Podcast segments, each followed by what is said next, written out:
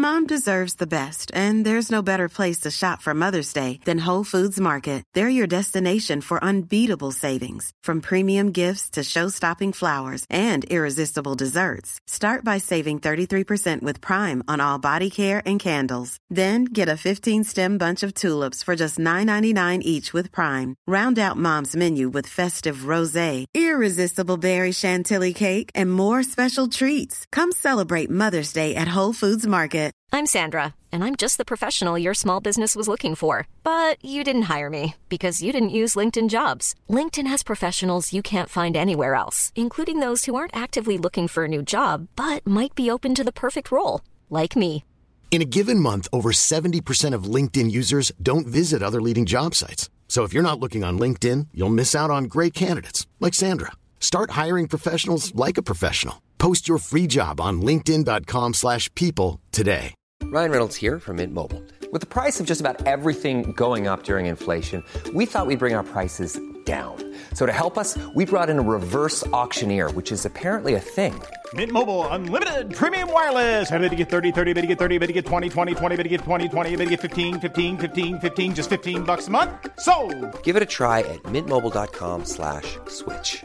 $45 upfront for three months plus taxes and fees. Promo rate for new customers for limited time. Unlimited more than 40 gigabytes per month. Slows. Full terms at mintmobile.com. Generaler, admiraler, medlemmer, gjester. Vel møtt til høstens nest siste foredrag i Oslo Militære Samfunn.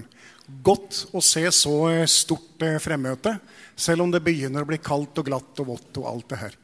Liten administrativ, administrativ ting først. Er det noen av dere som har opplevd noe eh, skurr eller utfordringer med lyden noen gang? Jeg hørte en eller to som eh, Ok, Det jeg prøver å få sagt, det er at vi er eh, i ferd med å inngå et samarbeid med det største og beste og i Forsvaret mest brukte firmaet på å levere lydtjenester. Kontaktpersonen vår skulle vært her i kveld, men Mur Murphy fant adressen hans, så vi må utsette det en par uker. Men eh, begynn å glede dere. Ja, nå har jeg lagt lista høyt. Men eh, begynn å glede dere til et nytt og bedre lydsystem i OMS. Vi har skjønt Vi har skjønt Vi har skjønt at det å klatte og klatte og klatte på et klattverk, det funker ikke. Så det slutter vi med. Så er det sånn at eh, det mobiliseringsforsvaret som mange av oss vokste opp med, og som vi så en veldig stor logikk i, fordi at det handlet om å bruke alt Norge hadde av ressurser, hvis det skulle bli behov for det en gang, det mobil, mobiliseringsforsvaret ble lagt ned når Sovjetunionen gikk konkurs og internasjonal terrorisme inntraff och og traff oss hardt i Vesten. Da ble fokuset et annet. Og det meste av møysommelig oppbygd, alt fra lagre til planer til struktur, det ble vraket. I dag ser vi jo, og ikke minst i lys av det som skjer i Ukraina i dag, at dette var til dels forhastet, og at vi kanskje burde beholdt mye av det beste med det gamle mobiliseringsforsvaret. Finnene hadde det ikke så travelt med å skrote alt det gamle. De hadde sine erfaringer, de hadde sin kunnskap og den mest sannsynlige aggressoren i deres område, og de valgte en helt annen vei enn vi gjorde. Eh, oberst Janne Kempas, Finlands forsvarsattaché, har satt sammen et foredrag til oss med temaet 'Finlands forsvarsplanlegging'. Hvordan skape maksimal forsvarseffekt i et moderne nordisk mobiliseringsforsvar. Janne, talerstolen er din. Tack eh, mina damer och herrar, eh, fint att vara här. Och, och jag hörde av Björn att eh, det delas ut kalkoner idag, men jag hoppas att någon är också intresserad i, i Finland. Jag blev spurt och snackade om, om, om eh, detta tema, hur skapa maximal försvarsevne i ett modernt eh, nordiskt eh, mobiliseringsförsvar. Och inte lätt att komma upp med, med, den, med den svar. Men jag ska pröva. På detta bild som är tagit två-tre år sedan ser de en hurtig beredskapsstyrka som består mestadels av värnpliktiga. De har tjänstgjort i sex månader och efter det är de sex månader i beredskap. Och jag ska komma tillbaka till det. Och där ser ni också en eh, Crotal eh, luftvärnssystem och två Leoparder och 155 mm fältkanoner.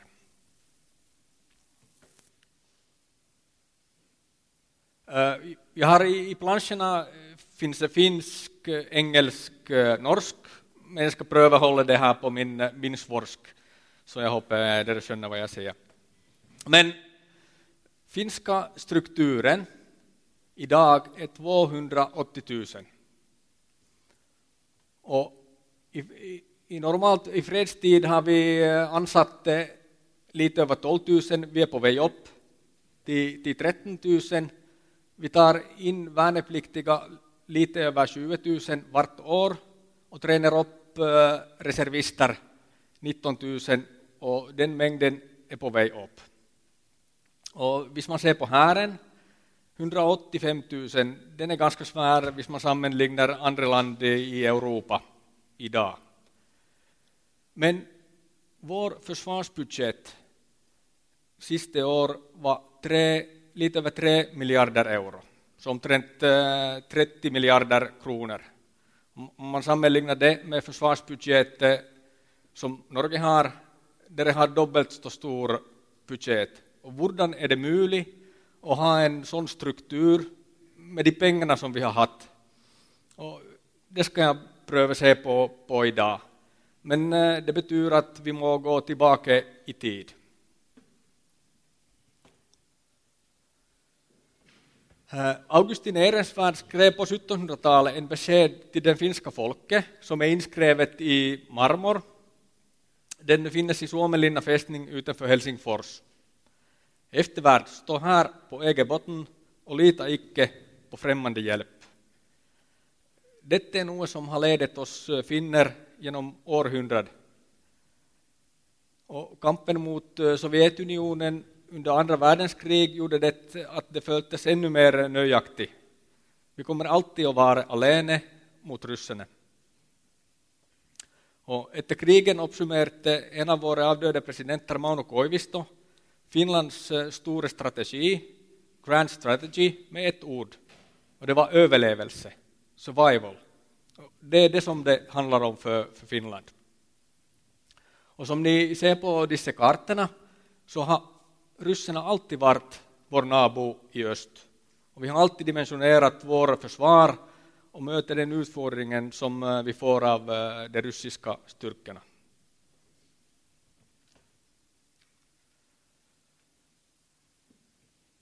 På onsdag blir det 83 år sedan vinterkriget bröt ut.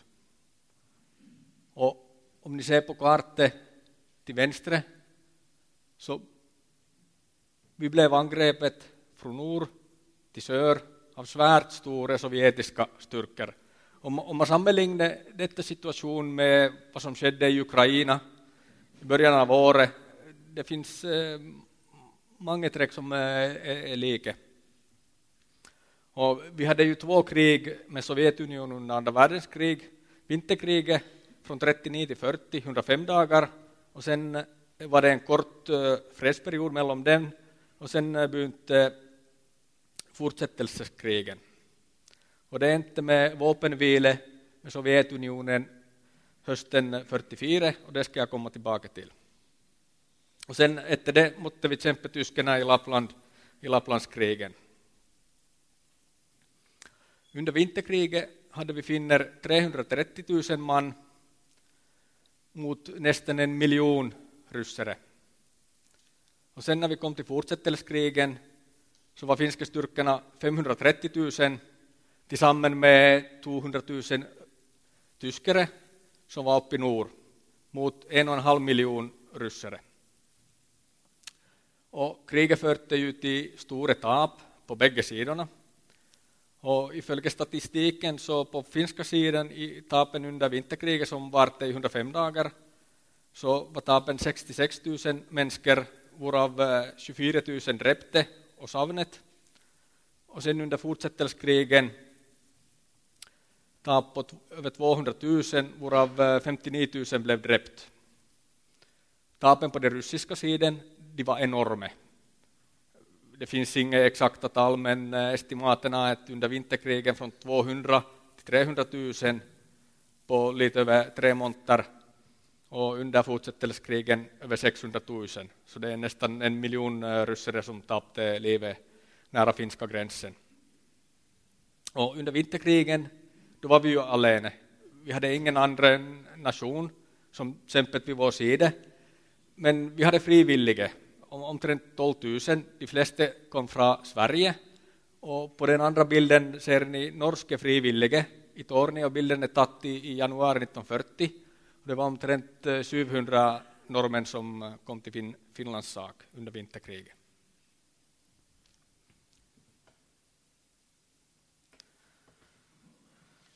Ja, alla krig tar slut någon dag. Det skedde också för oss. Och 1944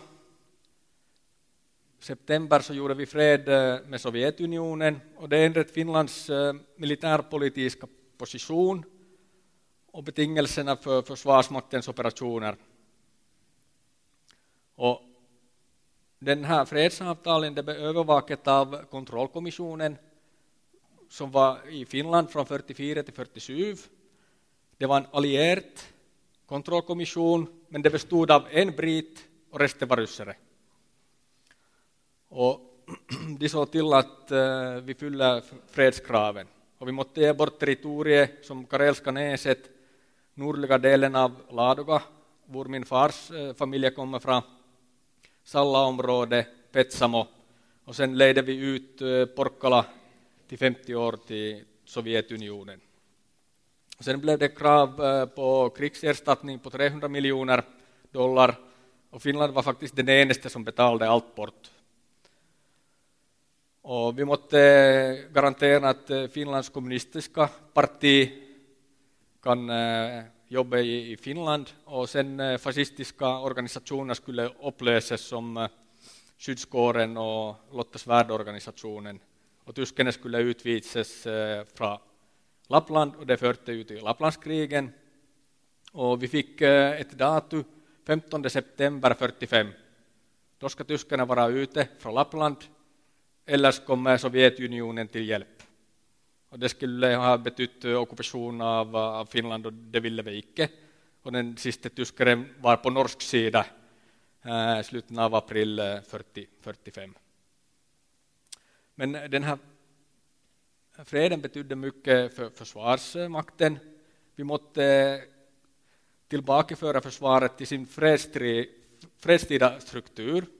Vi hade tänkt på eh, hur det såg ut i december 44. Men kontrollkommissionen de ville ha att eh, den fördes tillbaka till 1 januari 39, alltså tiden för vinterkriget. Och då var situationen inte så väldigt bra i finska försvaret.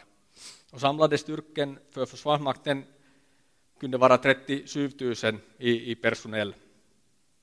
Och vi fick icke ha militärutstyr utöver härens behov i fredstid.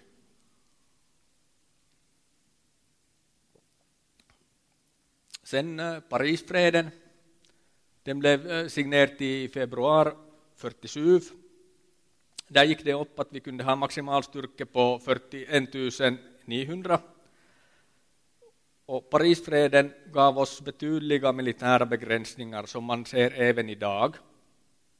Det blev förbud mot offensiva vapen, bombefly, ubåtar, missiler, atomvapen och förbud att anskaffa tyskproducerat material.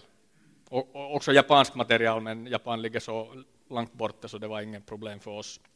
Och Herren eh, fick störelsebegränsningar på 34 000 man, marinen fick vara 4 500 man och luftförsvaret 3000 man med 60 jägarflyg. Idag har vi 61 F-18-flyg, vi köpte 64. Så det är väldigt lik eh, numren som, eller talet som eh, de gav under, under Parisfreden. Men vi tolkar detta på vår egen måte, att eh, detta betyder fredstids, fredstidsstruktur och vi höll strängt hemlig vår krigstida struktur. Vi snackade icke, icke om det. På 60-talet fick vi köpa defensiva missilvapen, men i Parisfreden var det förbjudet att, ha, att träna militära färdigheter utanför försvaret. Så det är därför Finland icke har ett hemvärnssystem som de andra nordiska land har.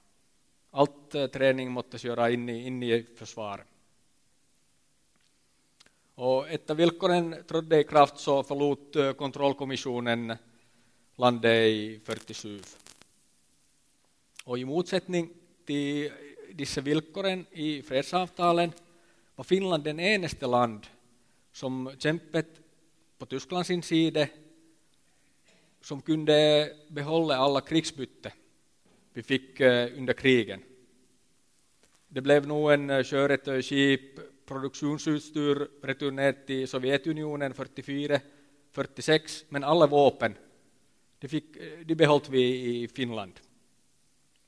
Och sen som dere vet historia blev det lite kölet mellan Sovjetunionen och de västliga allierade. Så då blev det ingen stor sak att returnera dessa material, men det var svärt viktigt för Finland att vi kunde behålla alla detta material som vi hade fått eh, under krigen. Så det betydde att eh, vi hade material för en styrka upp till 600 000. Och om vi hade måttet ödelägga eller överlåta hela det här överskuddet som var eh, bestämt i fredsavtalen så hade vi aldrig haft möjlighet att danna en regional försvarssystem som är baserat på allmän värnplikt som, som vi har idag. Och sen eh, efter slutet av eh, kalla krigen så då erklärde Mauno Koivisto, vår president, att vi är icke bundna med Parisfredens eh, krav längre. Men än idag har vi ingen ubåtvapen. ubåtsvapen.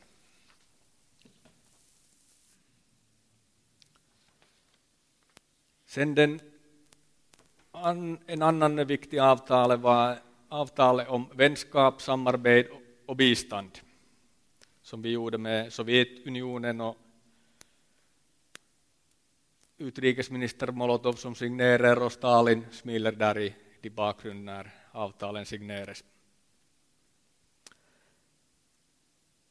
Men den definierade den avtalen praktiskt talat Finlands offentliga militära trusselbilder. Och den eh, blev specifierat i avtalens lik.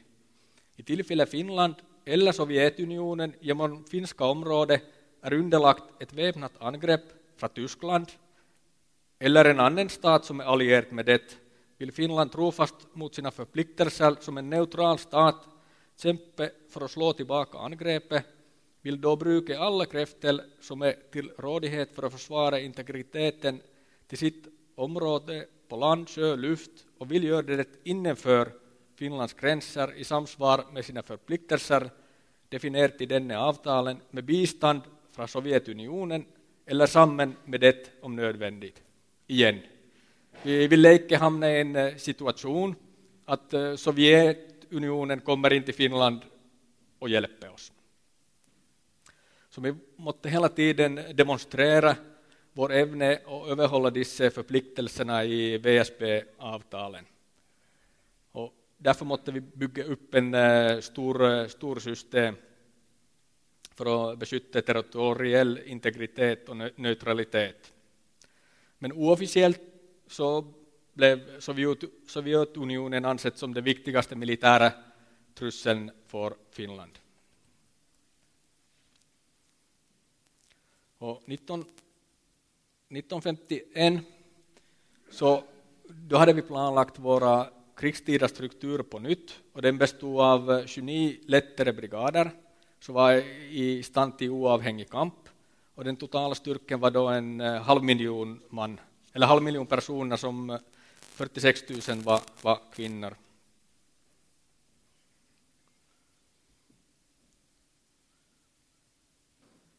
Sen lite av eh, operativ planläggning. Vi hade ju den här VSB-avtalen. Och, och det förde till att vi måste ha en uh, trusselbild så var rättet eh, mot Sovjetunionen. Och det var teoretiskt utarbetat, själv om vi visste att Ryssland var den stora trusseln. Och på 50-talet det finns inga planer som är riktat mot det att Ryssland angriper Finland. Det är dessa som har varit kvar. Och det var byggt upp tre alternativ. I den första angripes eh, Finland från Norge upp, upp i norr, förstanse Ryssland eller Sovjet och angriper Nordnorge och göra det möjligt att fortsätta till Kolahalvön. Och våra fredstidsstyrkor blev också placerat eh, i Finland så att eh, vi kunde genomföra dessa planen. Sen var det alternativ B, igen styrka för Nordnorge, men det blev också en eh, vi blev angripna från syd, sydväst, från Östersjön och angripen var rättet eh, genom finska territoriet in, in till Leningrad. Och sen alternativ C, som var det vanskligaste, Nor, sör och sen kom ännu svenskarna över Bottenviken och från Tornedalen. Men dessa var de officiella planerna har inte pejling om, om de blev vist till ryssarna att okej, okay, sån, sån plan lägger vi och det kan äh, följa att äh, ingen kommer genom, genom Finland, att äh, det, det håller vi.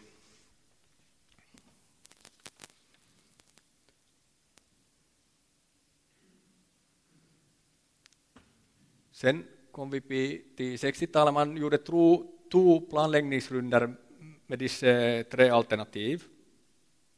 Och på 66 blev det gjort en strategisk huvudplan Kalervo för försvar av, av landet. Och jag läser den, den finska texten på dålig norsk.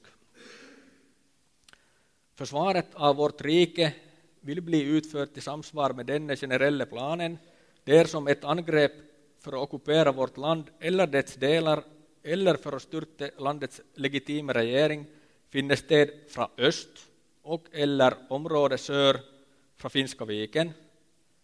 I planen kämpar vi utan hjälp från andra.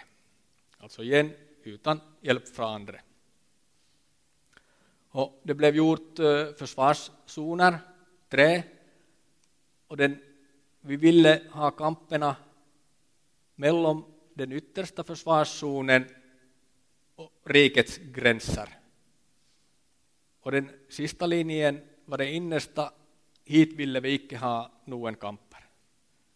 Så nu börjar vi placera alla, alla tropparna längs öst, östgränsen.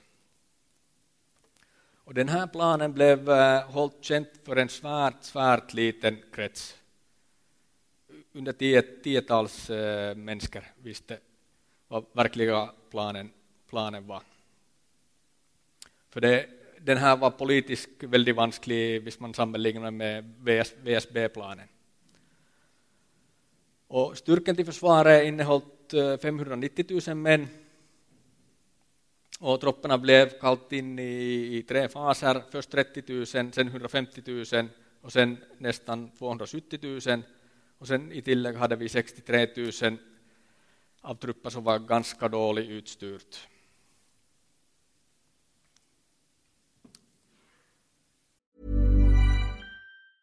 When you're ready to pop the question, the last thing you want to do is second guess the ring.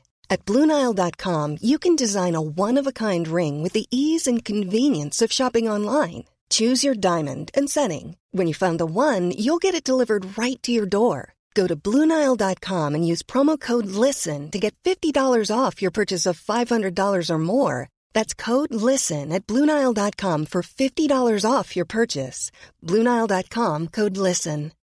Millions of people have lost weight with personalized plans from Noom, like Evan, who can't stand salads and still lost 50 pounds. Salads, generally, for most people, are the easy button, right? For me, that wasn't an option. I never really was a salad guy. That's just not who I am. But Noom worked for me. Get your personalized plan today at Noom.com. Real Noom user compensated to provide their story. In four weeks, the typical Noom user can expect to lose one to two pounds per week. Individual results may vary.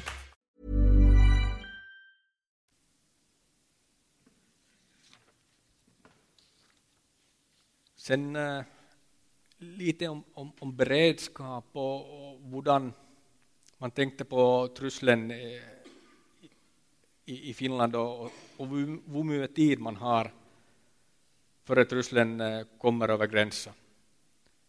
På 1960 och 70-talet så då var det, vi har tid, tid från timmar till två dygn. Kadetropperna ska vara på plats i, i sex timmar och beskyttelsen trupper efter det.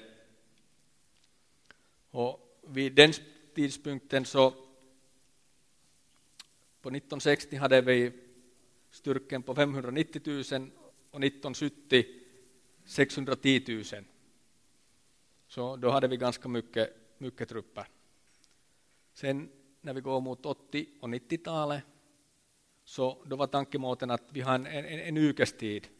Vi ska ha beskyttelsen av på plats så att vi kan starta mobilisationen. Och då hade vi 1990 var styrkan av Försvarsmakten 500 000. Vi hade två pansarbrigader, tio jägarbrigader och 14 lätta infanteribrigader. Och i tillägg ganska många eh, lokal, lokaltrupper.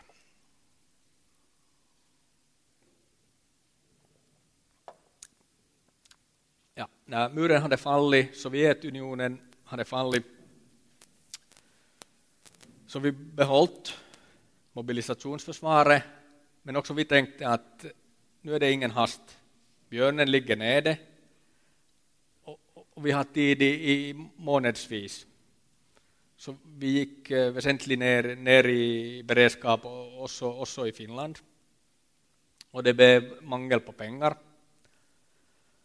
Och 2008 gick vi ner, i, till 285 000. Vi fjärnade en pansarbrigad, tre jägarbrigader och fyra lätta brigader. De försvann eh, från strukturen. 2012 gick vi ytterligare ner till 230 000 men eh, sen skedde Krim 2014. Sen skönte vi att nu må vi gå tillbaka till fortiden och från 2015 så beredskap igen tillbaka nästan som 60-70-talet, timer, nu en dögn. Och vi gick också upp i försvarets struktur tillbaka till 280 000 som är den nåtida strukturen. Så vi gick ner i beredskap och sen gick vi upp igen. Under den här tidpunkten gjorde Sverige och Norge mera drastiska besluten vi gjorde i Finland.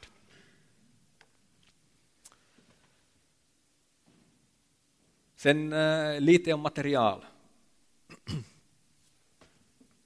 Östtyskland efter murens fall. Det är lite finsk text där eh, till, till höger, men eh, jag kommer tillbaka till det. Då Tyskland blev förent så blev det igen ett stort antal av nationale Volksarmé-material. Det omfattade 2000 kampvagnar, mer än 1500 fältkanoner, mer än en miljon handvapen och hundratusentals ton av ammunition som Warszawapakten eh, hade lagrat för tredje världskrig. Och Tyskland, nå förent, så hade förpliktat sig förstås till NATO-standard. Och det gjorde icke det mesta av eh, detta materialet. De kunde bara bruka någon fly för en eh, liten tid. Och huvuddelen av materialet måste tas ut av drift eller skrotes och det kostar pengar. Och I november 1990 spurte tyskarna oss om vi vill köpa något av eh, detta material. Och vi var intresserade. Och I tillägg till ammunition var vi intresserade i pansarköret, eh, fältkanoner, luftvärnskanoner och pansarvärnsmissiler. Och tyskarna satte prisen väldigt gunstigt om man sammanlignade det vad det hade kostat i, i Sovjetunionen. Och vi sände ner ett par delegationer som gick ner till Tyskland och, och, och såg på detta materialet. Och den första observationen var att eh, det var hållit i väldigt god stand. För exempel stridsvagnarna, de hade blivit kört eh, kun eh, 100 mil. Kanonerna, eh, de var nästan nya.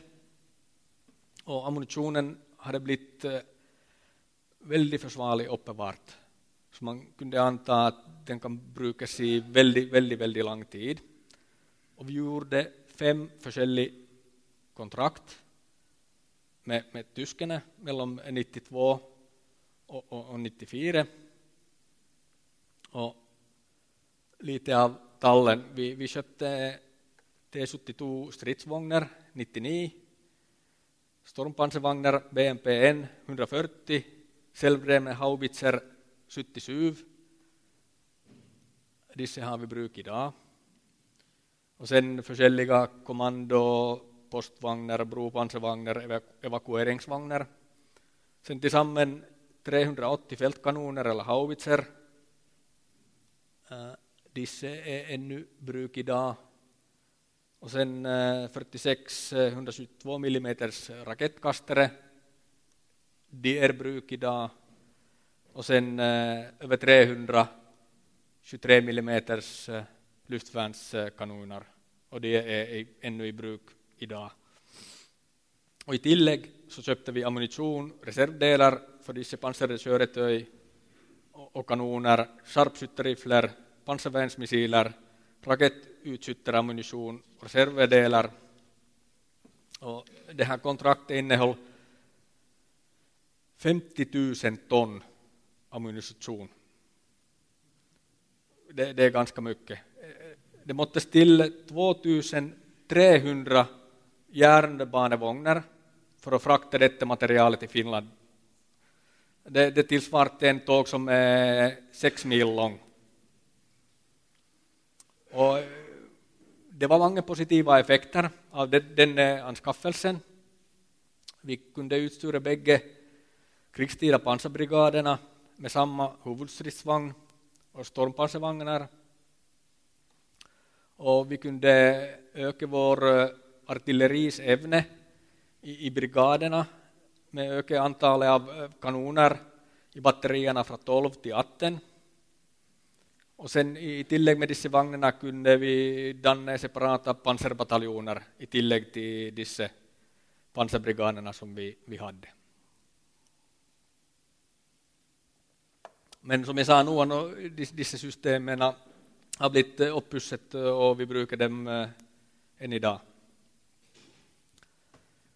Sen en annan stor sak var eh, i 2001 gav regeringens säkerhets och försvarspolitiska rapport en uppgave till försvaret och genomförde en väldigt omfattande utredning för att finna försvarsmässigt mest effektiva vapensystemen. Och vi kan kalla det här strike capability-studiet, Strike eller vad är bästa ordet i, på, på norsk. Och den här blev ledet av huvudstaben i Finland. Vi hade mer än 500, 150 personer som deltog i det och den undersökte alternativa modeller för utveckling av illkraften och mobiliteten till försvarets operativa styrkor. Och de prövade många, många kombinationer och en eh, gränsbetingelse var att man kunde bruka en miljard euro på att anskaffa. Man såg prisen på hela livscyklus och studien blev färdig 2004. Och när det gäller angreppsämne till försvaret, det här var alltså 2004, så var den mest effektiva kombinationen den tunga äh, raketkastaren MLRS, artilleris specialammunition, eh, inkluderat precisionsammunition och i luftförsvaret en kombination av luft i backevapen stöttet av ett eh, luftrekognoseringssystem. Och studien visade att eh, den bästa enkeltvapensystem var den tunga raketkastaren. För den enhet till nästan alla operativa upp, uppgaver och det hade en eh, räckvidd på 20 till 300 kilometer. Och sen eh, i, på avståndet under 40 kilometer så var den mest kosteffektiva artilleriets specialammunition. Och sen eh, Hornets lyft i backe missilsystem, det var bra för att man kunde raskt påverka från till nord, från land till, land till sjö och kostnaden blev rimliga för att vi allerede hade vapenplattformen. Vi tänkte icke och, icke och köpa den. En system som var ganska överlägen var kamphelikoptrar. Men det enaste problemet var kostnader. 12 kamphelikopter kostade eh, 500 miljoner euro. Så det passade in, eh, icke in eh, i prisbudgeten. Eh, Okej, vi fick anbefalingarna, vad vi gjorde och att eh, till dels gick vi på bruktmarknaden, för det var ju evig fred i Europa. Så vi gick till Nederland och, och köpte MLRS. De ville ha dem bort och vi köpte 22 raketkastare. Och totalvärde var 45 miljoner euro. Och i 2013 så köpte vi ytterligare 12 system från Danmark för träning av manskaper. 2016 köpte vi missiler för 150 miljoner euro. Och denna månad kom US State Department ut att Finland kan köpa ammunition för raketkastaren från USA med 535 miljoner euro. Så det är en halvårsproduktion som USA kan producera.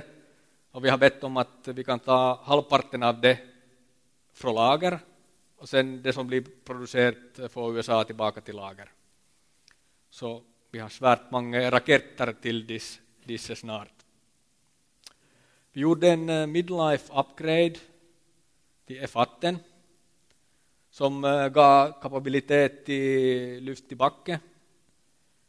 Vi är en av de få land som har köpt eh, Chasm eh, krysselmissil Joint Air to Surface Standoff Weapon som har en räckvidd på 37 mil.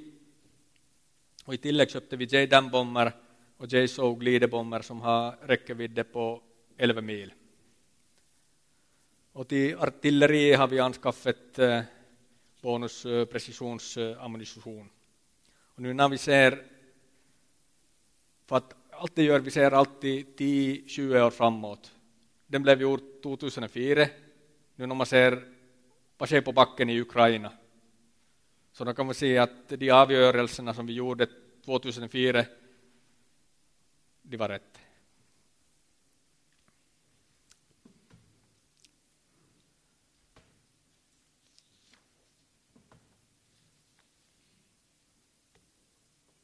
Vi har varit eh, ganska många gånger på brukmarknaden.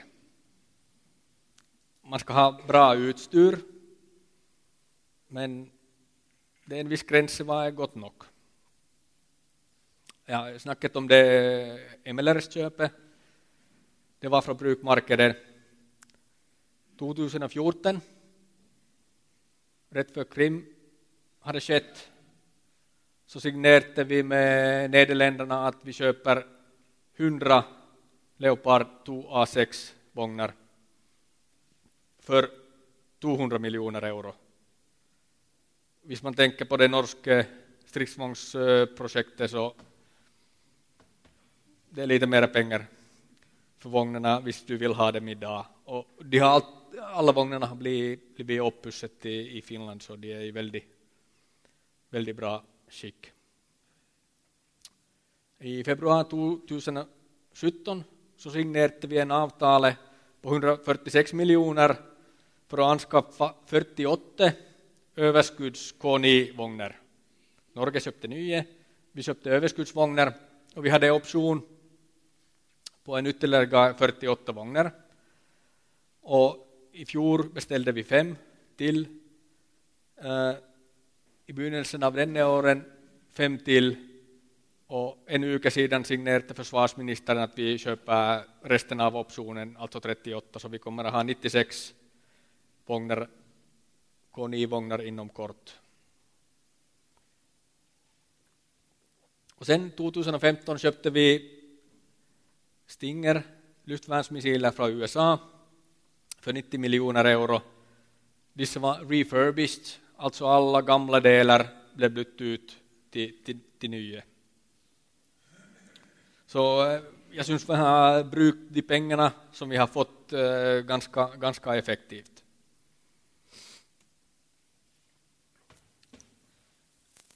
Den, den finska modellen den, den, är ju enkel. Det är totalförsvar, omfattande säkerhet. Alla i, i samhället har sin egen del, Visst man ska försvara Finland. Allt går ut på allmän värnplikt. I, i Finland betyder det, eh, det för män och det är frivilligt för kvinnor, men uh, vi får uh, nog eh, personell uh, med detta. Sen vilje till att försvara landet, och det, det kommer jag tillbaka till. Det är svärt viktigt i den finska modellen. Och sen en stor reserv som vi har haft. Och sammanlinget med andra så har vi väldigt stor reserv än, ännu idag. Och vi har en högteknologisk eh, spjutspis. Men vi har ett eh, kostnadseffektivt eh, system. Och sen, jag ska inte gå in i multilateral eller bilateral samarbete. I december fjol gjorde vi beslutning att göra det största anskaffelsen i finsk historia 64 F35 flyg för 10 miljard euro. Och det, det är icke brukta maskiner. Det nya. Men äh, det, det, är fint att eh, snart har vi i Norden eh, äh, 150 femte generations flyg. inom Sjöförsvaret har vi tagit en beslutning och brukat ett och ett halvt miljard eh, på fyra nya korvetter. De är väldigt stora korvetter och de ska ersätta sju utdaterade krigsskip. Och dessa fartygen de ska ha väldigt kapabla Gabriel 5, Gabriel 5 eh, sjöstridsmissiler med räckvidd över 20 mil de ska ha svenska torpedoer och sen Evolved Sea Sparrow luftvärnsmissiler så det blir en väldigt kapabel eh, plattform ute i, ut i Östersjön. Den har blivit lite försinkad men äh, slu, slutet av 20-talet ska vi ha dem i bruk.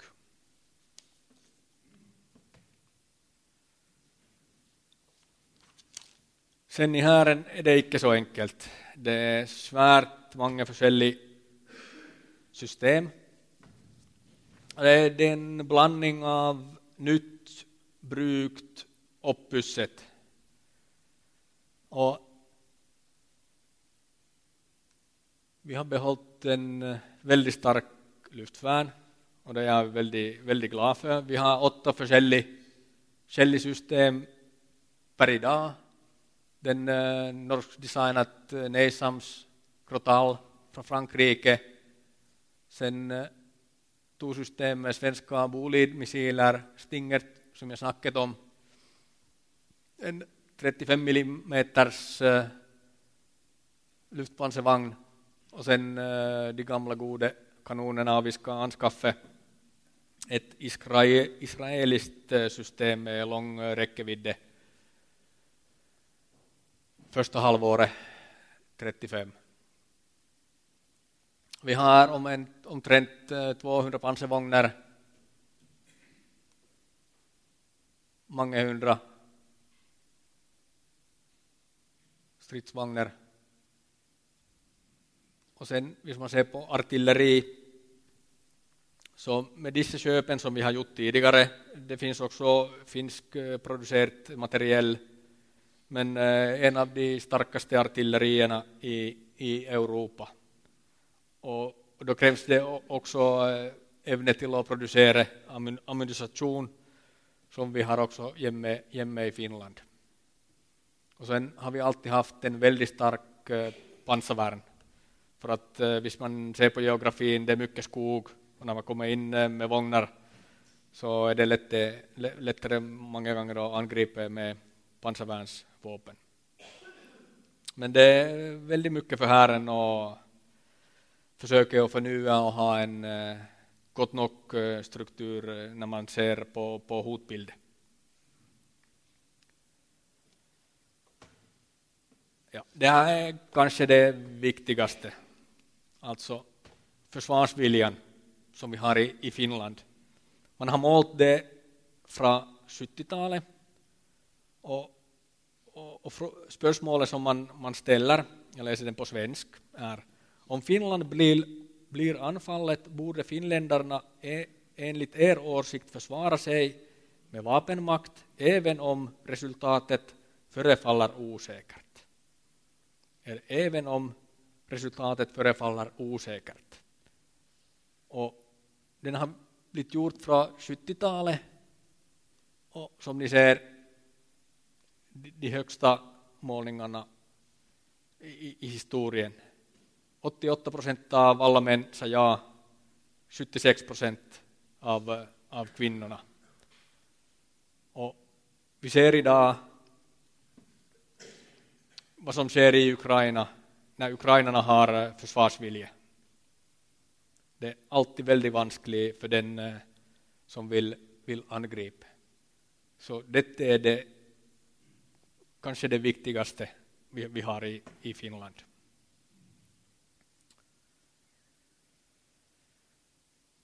Allmän värneplikt. 70 procent av män har gått genom värnplikten så strukturen på 280 000. Sen har vi 8 000 militära anställda. Vi har 20 000 värnpliktiga in hela tiden och över det så har vi reserver på 900 000. Dessa hundratusen är sådana som jobbar i jobb som ska hålla på även hvis, hvis det blir krigstid. Och i helheten en och en halv miljon var, var vi kan dra, dra folk till Finlands hjälp om det behövs. Det som vi har gjort om och som eh, de bilder som vi hade där i begynnelsen Trusselen, vi, vi måste kunna besvara det på, på timmar. Och då gjorde vi om, om, om systemet. Så hela tiden har vi trupper i Finland som är färdiga på någon timmars beredskap. Överallt, överallt i, i Finland. Och då snackar vi om uh, tusentals soldater. Och hvis det ikke er nok, så har vi beredskapstrupperna. Då snackar vi om dagar. Då, då har vi tiotusentals soldater på plats. Och om det är icke nog så har vi följestyrkorna med hundratusentals, men det tar lite, lite längre tid. Och mobiliseringssystemet den är flexibel.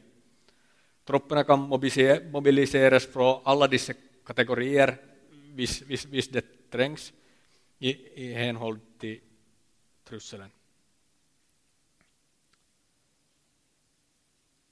Ja. Så tillbaka från historia. Idag är vi i denna strukturen och denna strukturen har ganska bra materiell och bruket. Och den näst sista bilden, vår försvarsbudget, den har varit nere på en och en halv procent i fjol, eller två år sedan, 1,35 av BNP. Det har varit omtrent eh, 3, 3 miljarder euro. Men nu på grund av F35-köpet, skvadron 2020, och vi fick eh, 3 miljarder efter krigets startet till att köpa eh, vapen eh, in till lagret. Så vi kommer att fördubbla försvarsbudgeten på två år. Och nästa år ligger vi på över 6 miljarder euro. Och visst man räknar det med NATO-målestocken så blir det 0,2 procent mer. Så vi har bra politiker i Finland. För när det krävs så då får försvaret också resurser. Tack.